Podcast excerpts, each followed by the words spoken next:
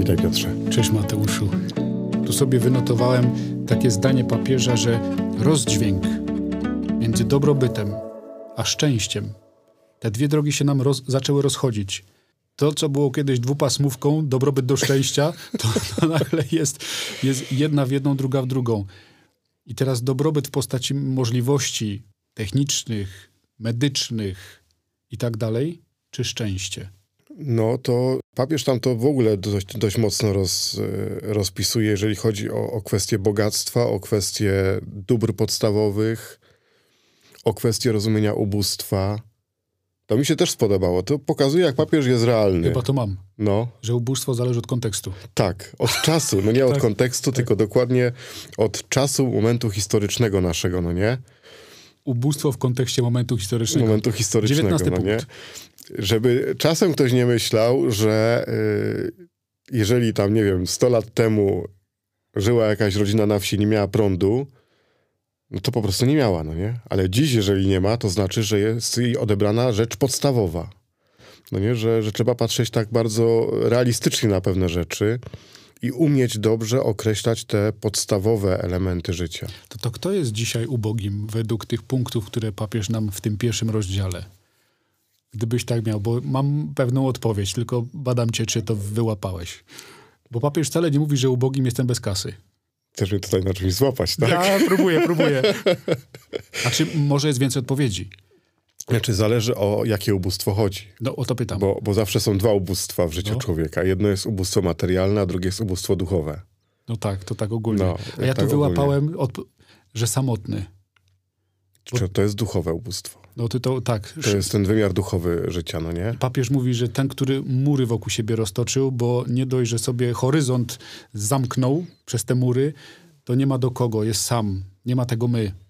Y, Nie ma drugiej osoby i nie ma też otwartości na drugą osobę. Izolacja nie, bliskość tak. Kultura zderzenia nie, kultura spotkania tak. No, z ubóstwem jest problem, bo nie do końca chyba rozumiemy y, te wszystkie formy ubóstwa, jakie są dzisiaj w świecie. Papież je próbuje ponazywać, pokazać, chociażby takimi właśnie przeciwstawnymi. Papież raczej patrzy z perspektywy takiej, y, żeby z jednej strony człowiek miał takie bogactwo życia duchowego, y, życia relacyjnego, życia społecznego. I to jest pierwszy wymiar takiego unikania ubóstwa, bym powiedział. Czyli ubogi to jest ten, co ty powiedziałeś, zamknięty, ale też przez czasem społeczeństwo zamknięty, wyizolowany, bo można patrzeć na człowieka, że sobie wybudował mur, ale można zobaczyć człowieka ubogiego, któremu ktoś postawił mur. A, czyli dwie perspektywy. Z, Tak, tak. Od powiedział, nie wolno ci, no nie? Nawet były takie filmy czasem, no nie? Że na przykład jedna dzielnica w mieście była Getto. otoczona murem, getto, gdzie byli zamknięci ci, którzy byli odizolowani, Ja, bo nie pasowali do społeczeństwa. Bo teraz jeszcze jest drugi wymiar ubóstwa.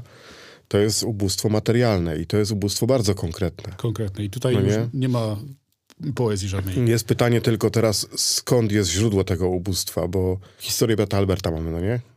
I tam niektórzy ci e, bezdomni mówili, że oni sami wybrali takie życie, bo im to odpowiada, no nie? Bezdomność jest ubóstwem. Tak, ale papież tam, to jest też znamienne, że pokazuje, że te, e, świat, w którym żyjemy, budzi, rodzi nowe formy ubóstwa. Tak. I to jest znamienne, no nie? że pokazuje, że z jednej strony jest teraz dużo bogatych ludzi i wzrost, wzrósł ten poziom Stopa bogactwa, życiowa. stopa życiowa, a z drugiej strony y, jest coraz więcej ludzi ubogich, o których się nie mówi, że są ubodzy. To nawet papieża nie boli to samo, że są ubodzy, ale to, że nawet się ich nie traktuje jako ubogich. I papież pokazuje, że wraz ze wzrostem y, poziomu życia wzrasta jak gdyby granica dla ubogich. Trzeba ją podnieść, żeby dostrzec ubogich. Czyli, że na przykład brak prądu dzisiaj już jest poziomem ubogiego człowieka. Mhm. I o to papieżowi chodzi, żeby umieć dostrzegać, gdzie są prawdziwe e, formy ubóstwa w życiu człowieka. To się też wiąże potem e, z kwestią e, praw człowieka, z kwestią tego, na ile my potrafimy dbać o dobra podstawowe dla każdego człowieka. Bardzo y, szeroki temat, na pewno go tutaj nie będziemy rozwijać. Znając papieża, to go jeszcze w encyklice mocno rozwinie. Kolejna, kolejny tłusty tytuł. Złudzenie komunikacji. Te tytuły są papieża przewrotne, bo mówi, że przez COVID zrozumieliśmy, że narzędzia cyfrowe tak naprawdę nie dają nam żadnej komunikacji prawdziwej, stuprocentowej, a nawet on tutaj używa słowa, że media maskują nas. No on mocno. Bo w realnym Mocno spotkaniu jest mowa ciała, media. a teraz dużym zainteresowaniem bardziej cieszą się te zdjęcia, które publikujemy, a one nie odzwierciedlają naszego życia, tylko dany moment, daną pozowaną chwilę. No, papież tam pokazuje coś, co już poruszyliśmy, a co tutaj jest y, źródłem tego.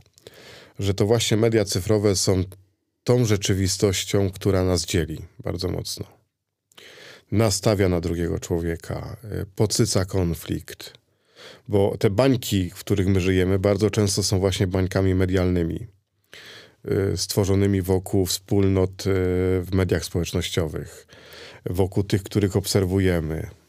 Rzadko się zdarza tak, żeby człowiek miał odwagę w mediach społecznościowych obserwować bardzo różne osoby o bardzo różnych poglądach, nie po to, żeby wiedzieć, co mówi wróg, tylko po to, żeby mieć szerszą perspektywę wszystkiego.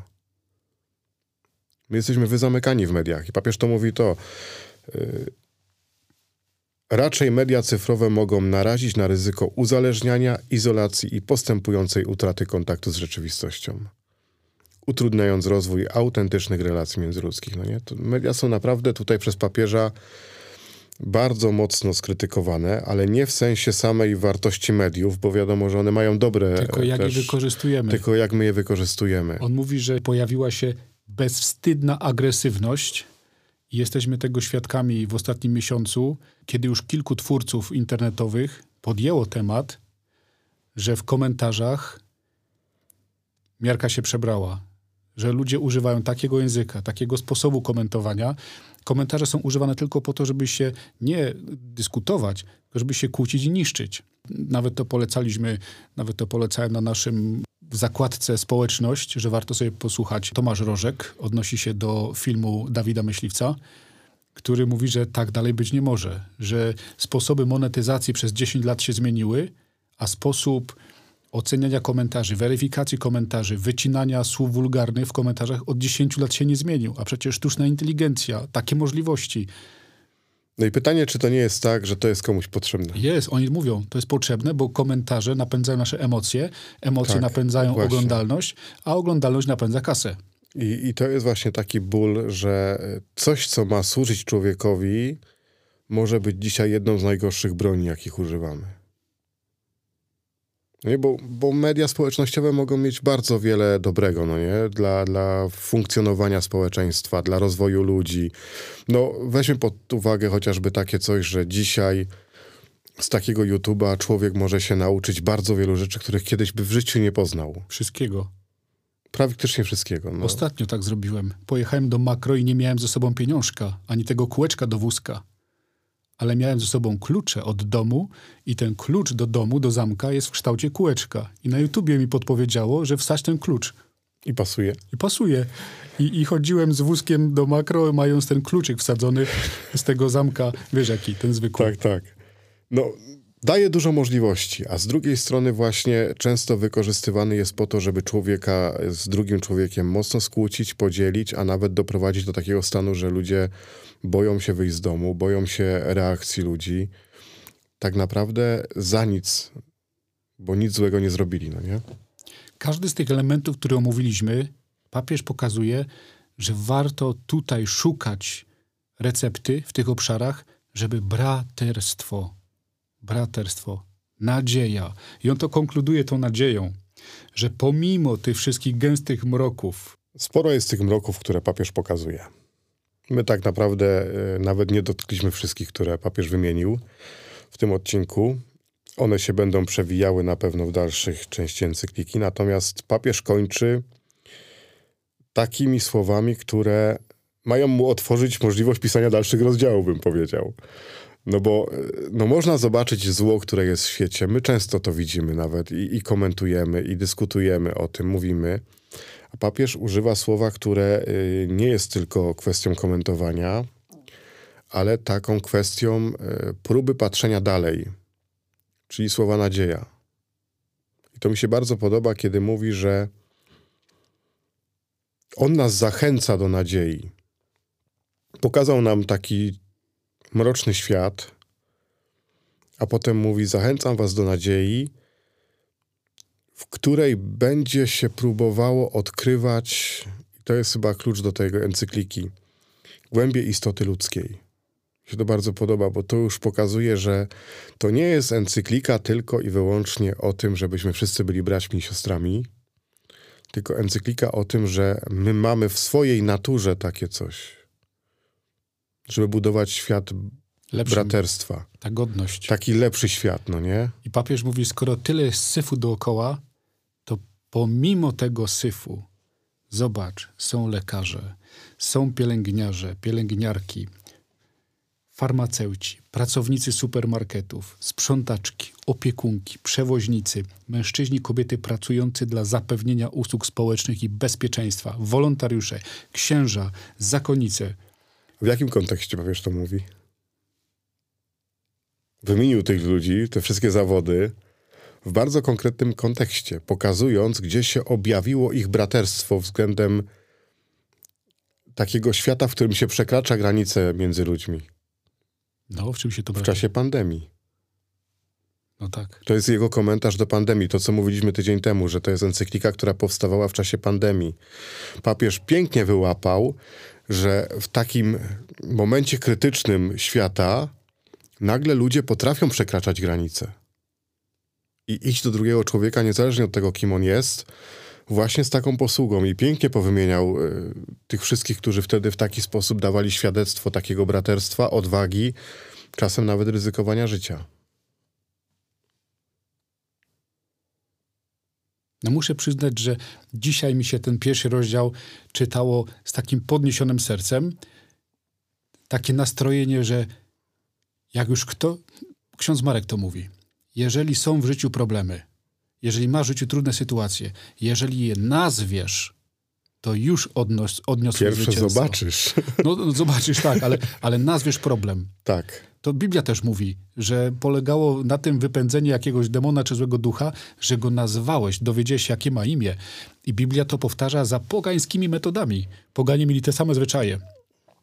To też było na sobocie biblijnej, to zdradzę, że Jezus zrobił coś innego niż się spodziewali, bo nikogo nie nazywał, tylko powiedział wynoś się stąd i, i go demon posłuchał. Ale to był Jezus. Ale to był Jezus. Natomiast my, jak nazwiemy swoje problemy, to potrafimy je zdiagnozować. No. To jest umiejętność papieża, że on potrafi dostrzegać i dobrze nazywać. I to, że on już je nazwał, to jest dla mnie mega radość, nadzieja, że jest ktoś, kto to widzi i nie zostanę z tym sam. No mówiliśmy, że to jest trochę prorocki tekst i, i, i chyba taki klucz właśnie sprawia, że tak się to czyta jak, jak tych proroków starotestamentalnych trochę. Nadzieja jest odważna. Podążajmy w nadziei. Papież nawet nas zaprasza do pożądania. Gdzie? To jak ty to czytałeś, że ci takie słowa uciekły? Pożądania pełni. Spełnionego człowieczeństwa, takiego życia, które jest y, w pełni. I papież mówi o pożądaniu takiego życia.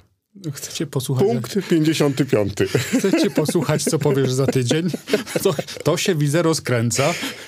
Mówi nam o pragnieniu, o dążeniu, o pożądaniu pełni, spełnionego życia, o chęci dotknięcia czegoś wielkiego, czegoś, co wypełnia serce i wznosi ducha ku wielkim rzeczom. To tak na marginesie tego, że taki wzniosły byłeś. Znalazłem tam u papieża kolejne świetne zdanie, którym chcę się podzielić. Niesłychanie aktualne. Zwycięstwo we współczesnym świecie jest synonimem zniszczenia. Czyli jednym słowem, jak po sobie pozostawisz gruzy, to wygrałeś. No, to tak, tak, tak. A jestem jakoś tak nastrojony, bo też korzystałem z Koweja i on mówi, że jak masz spór, to szukaj trzeciego rozwiązania, żeby sytuacja była wygrany, wygrany. Jeżeli odnosisz sytuację, że ja wygrałem, ale kogoś upodliłem, zniszczyłem, to to nie jest dobre. I mam taki, taki, taką analogię z życia. Powiedz mi, który facet cieszy się z sukcesu drugiego? Rzadko to jest. Nie powiem, że nie ma takich sytuacji, bo są takie sytuacje. Mhm. A mam odpowiedź. No, Ojciec sukcesu swojego syna. no przynajmniej powinien. To jest jedyna relacja, gdzie dojrzały ojciec mówi tak: Ja się cieszę, że zaszedłeś dalej, że jesteś sprawniejszy, że umiesz to lepiej. To jest jakoś tak naturalne. No papież tam mocno o tej przemocy mówi, bo tam w ogóle, że to jest takie wzajemne zniszczenie się, wyniszczanie. To jest też duży problem. Ciekawe, jak to będzie rozwijane potem i jakie będą recepty na to. Ale tam jest takie coś, co sobie zapisałem, że papież nie przebiera w słowach akurat przy tych punktach. tak, tak. tak, tak, bo tam jest takie coś. Obsesja na tle konsumpcyjnego stylu życia, zwłaszcza gdy bardzo niewielu jest w stanie tak żyć, może sprowokować jedynie przemoc i wzajemne zniszczenie. Ratuj się kto może, szybko przełoży się na wszyscy przeciwko wszystkim, a to będzie gorsze niż pandemia. Ale widzisz, troszkę się zaczęło, Pa- tak, no dokładnie. bo mówiliśmy, że to jest po pandemii, a przed wojną. Przed wojnami. Przed wojnami. Że zaczyna dochodzić do tych sytuacji, kiedy to ratuj się kto może się przemienia wszyscy przeciw wszystkim. No mocny jest papież, naprawdę jest mocny w tej encyklice i te pierwsze punkty pokazują, że, że będzie się działo. Bardzo Ci dziękuję. Do usłyszenia.